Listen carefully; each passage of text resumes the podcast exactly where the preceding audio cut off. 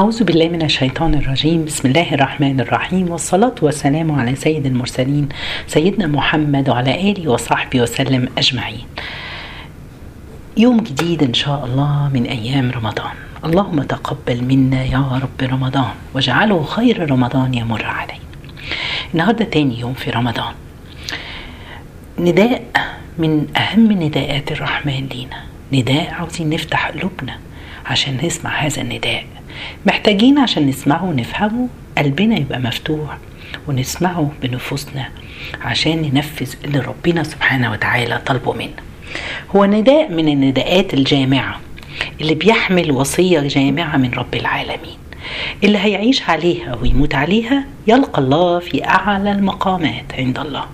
يلا نسمع مع بعض ونفتح قلبنا لنداء الرحمن النهارده.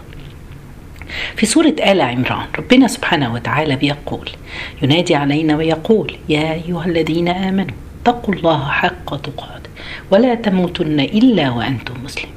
سبحان الله التقوى.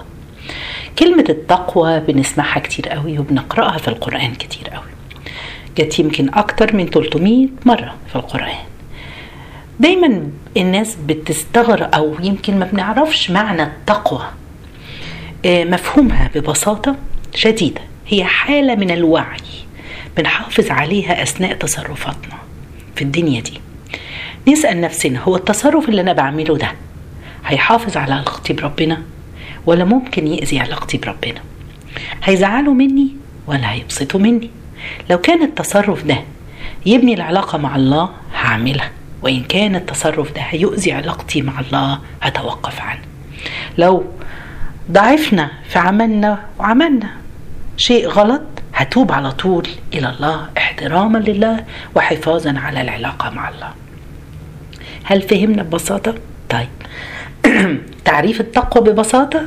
أن نحافظ على العلاقة بينك وبين الله. تعريف تاني؟ أن يرانا في سرنا. نعرف أن ربنا بيرانا في سرنا وفي جهرنا يرانا حين نكون مع الناس في العلن ويرانا حين نكون في خلوتنا لوحدنا. والله لو استشعرنا وجود ربنا معانا في كل لحظة في حياتنا لأصبحنا من المتقين. يا ترى فهمتوا معنى التقوى؟ منتهى البساطة. التقوى ليها معاني كتير والناس العلماء بيشرحوا فيها. حاولت إن أنا أبسطها إلى أقصى درجة. يعني زي ما بقول لكم التقوى اتكررت في القرآن كتير قوي. ربنا عاوز يورينا أهميتها. قضية الإسلام الأولى هي التقوى وعشان كده لما ابتدى الرسول عليه الصلاة والسلام خطبته الأولى في المدينة في مسجد قباء كانت عن التقوى لأنها أهم ما في الدين وأهم ما بيوصي به المسلم مسلما. عشان كده بدأنا إحنا برضو في أول شهر رمضان الكريم وصية ربنا سبحانه وتعالى إن إحنا نتقي الله. مش بس كده سبحان الله ربنا سبحانه وتعالى كل الأنبياء لما أمروا قومهم بالتوحيد قالوا فاتقوا الله وأطيعون. عبارة تكرار سبحان الله عبادة بتتكرر على لسان كل نبي. العلاقة بين الله وعباده هي التقوى. طيب إزاي نتقي الله؟ كيف نتقي الله؟ ان إحنا نحافظ على العلاقة دي اللي ما بيننا وبين ربنا. في كل حاجة في كل لحظة في يومنا في الليل في النهار من أول ما بصحى الصبح لغاية ما بدخل أنام هقول اتقي الله. أن نجعل وقاية بيننا وبين محارمه. حاجة توقينا تحمينا. خلاص؟ التقوى يا جماعة هي أسلوب حياة. تكون في جميع مجالات حياتنا. أي مكان أي عمل أي كلمة أي خاطرة سبحان الله هتمشي مع تصرف إنساني مع الإنسانية هتكون فيها تقوى لله سبحانه. طب يعني إيه؟ اتقوا الله حق تقاته. سئل سأل النبي صلى الله عليه وسلم فنزل القرآن فاتقوا الله ما استطعتم. يعني على قد ما هنقدر نتقي الله هنتقي الله. في حد هيكون بيتقي الله في كل شيء في حياته؟ صعب. إلا الرسول المعصوم سبحان الله لكن كل واحد بيغلط وكل واحد ساعات بيعصي الله. بس أهم حاجة عشان تكون من المتقين بعد ما تعصي الله لو عصيت الله في شيء ترجع تتوب إلى الله سبحانه وتعالى على طول. طيب. آه تعالوا نكثر من العمل الصالح. خشية وحب من أن نغضب الله. الله الحبيب. الله سبحان الله تكون عشان نكون من المحبوبين عند الله سبحانه وتعالى. آه مش عاوزين نبوظ علاقتنا بالله. تقوى مش بكثرة الأعمال على فكرة. وترك الحلال لا هي حالة من التوقف قبل كل كلمة قبل كل فعل. ما زي ما سيدنا الحسن البصري رحمه الله قال لنا إيه؟ رحم الله عبدا وقف عند هم. قبل ما يهم يعني يبتدي العمل هيقف. فإن كان لله أمضى وإن كان لغير الله عاوزها بقى النفس شهوة توقف. هي دي الملخص. يبقى اللي أنا عاوز أقوله عاوزين نعيش بالتقوى ونكون من المتقين. وأن نتقي الله. نعملها إزاي؟ وهنبتديها إن شاء الله من هذه اللحظة مع بعض. أول ما هبتدي كل يوم الصبح أفتح عيني. اولا هدعي ربنا يا رب اجعلني من المتقين. خلاص؟ تاني حاجة هعملها يا رب أنا إن شاء الله هخلي أسلوب حياتي ويوم بيومي وكل شيء النهاردة في تقوى لله لك.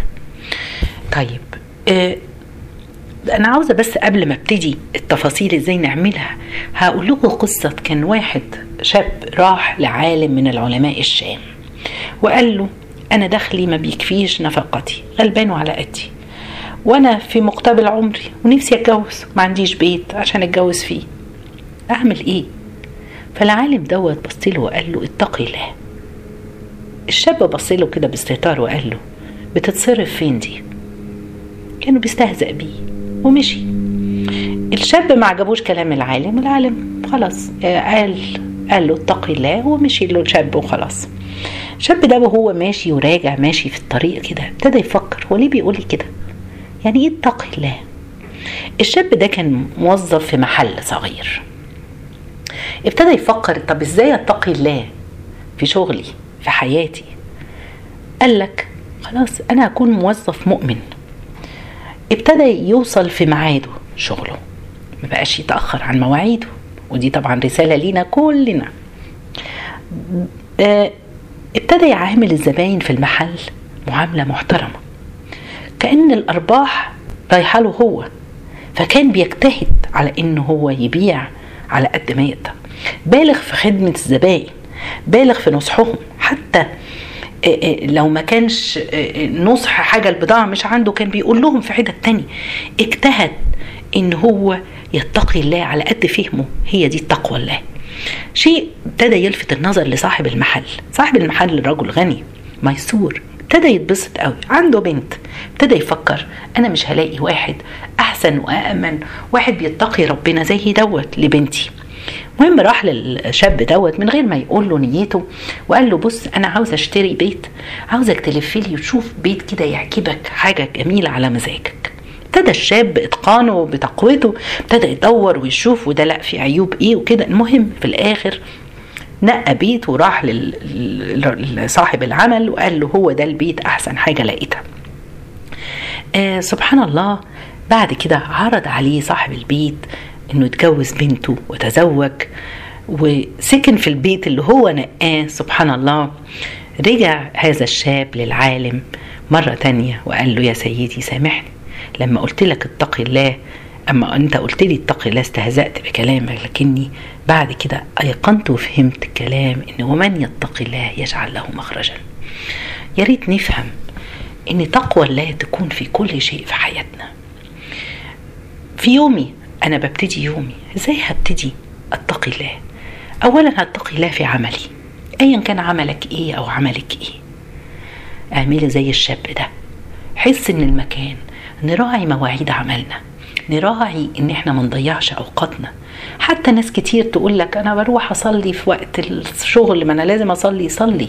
ولكن عوض الوقت اللي أنت قضيته في الصلاة. عشان تكون اتقي الله في المال اللي هتكسبه من هذا العمل. اتقي الله في العمل بإحسانه. وإنك تحسن العمل. نتقي الله في عملنا إننا نتقنه. الأم اللي في بيتها بتربي ولادها على حس... على حب الله والعمل على إرضاء الله ده اتقاء تقوى لله دوت. تعالوا يا جماعة نتائج على ربنا سبحانه وتعالى. بس أنا أتقي الله كأم إن أنا هربي ولادي صح إن أنا أحببهم في الله. هنخاف على صلاتهم زي ما بخاف على دراستهم وتفوقهم. دي تقوى لله. فاهمين يا جماعة يعني إيه تقوى الله في كل شيء. هتقي الله في ولادي إن أنا زي ما أنا خايفة على النمر اللي هيجيبوها والنجاح. هخاف على الصلاة. هخاف إن أنا مش هخاف إن أنا أصحيهم في صلاة الفجر عشان يصلوا. طب ما أنا بصحيهم لما بيبقى عندهم امتحان تاني يوم. طيب هنخاف على إن إحنا نعلمهم العربي وقراءة القرآن. يا جماعة مش مش مش بس إن إحنا خلاص بقينا كلنا خواجات وكل الناس بقت عوجت لسانها وتركنا اللغة العربية ومش مهتمين بيها ولا بنعلمها لأولادنا ولا بنعلمهم قراءة القرآن إيه اللي إحنا وصلنا له ده؟ تقوى الله إن أنا هتقي الله في إن ولادي يعرفوا كتاب الله في إن ولادي يعرفوا يتكلموا مش إنهم يبقوا خواجات ويتكلموا إنجليزي. ربنا يهدي الناس دلوقتي. طول ما إحنا ماشيين الناس بقت خلاص في بلادنا الإسلامية كلها قلبت لسانهم عشان بس يتكلموا إنجليزي. سبحان الله تقوى الله إننا ما نشوفش غير ربنا في كل عمل. أوعى نتسحب ورا إن إحنا مظاهر والخوف من قول الناس هيقولوا علينا إيه والبرستيج سبحان الله للأسف. كثير من الله من الناس إلا من رحم ربي في هذه الأوقات دلوقتي أهم حاجة ولادي بيلبسوا إيه وبيتكلموا إيه وبيعملوا إيه؟ أصل الناس والبرستيج والمدرسة اللي أنا دخلتها فيها أين تقوى الله في هذا؟ أنا لا يهمني أحد. مهما سعينا على إرضاء الناس عمرك ما, تخ... ما الناس هترضى عني. في قول كتير قوي بنسمعه بيقول لك إيه؟ رضا الناس غاية لا تدرك. سبحان الله هي حكمة جميلة بس إحنا ما بنكملهاش. هي رضا الناس غاية لا تدرك ورضا الله غاية لا تترك. فاترك ما لا يترك واترك ما لا يترك. رضا الله يا جماعة وتقوى الله هو ده المهم. مش لازم تكون وسيم عشان تكون جميل ولا تكون مداح للناس عشان تكون محبوب ولا غني عشان تكون سعيد. يكفي أن ترضي ربنا وتتقي الله في كل شيء.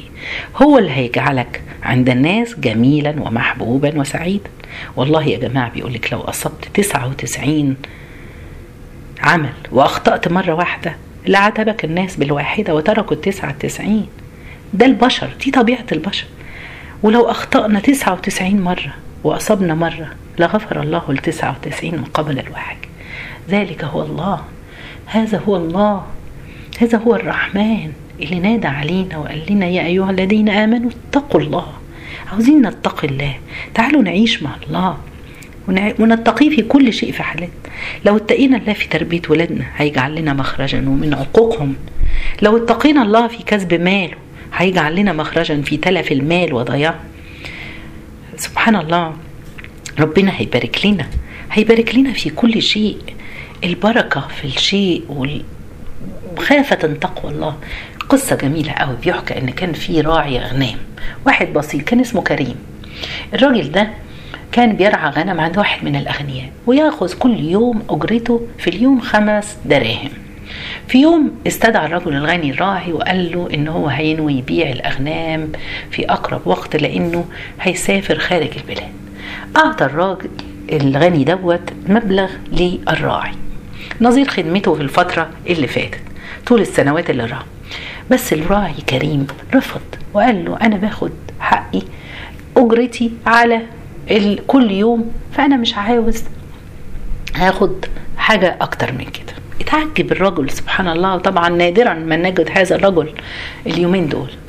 آه سبحان الله. لكن هو كان كريم دوت شخصية أخلاق وكان دايما يرضى. المهم يرضى بقليله فالرجل الغني دعاه له وقال له ربنا يبارك لك في مالك يا ابني.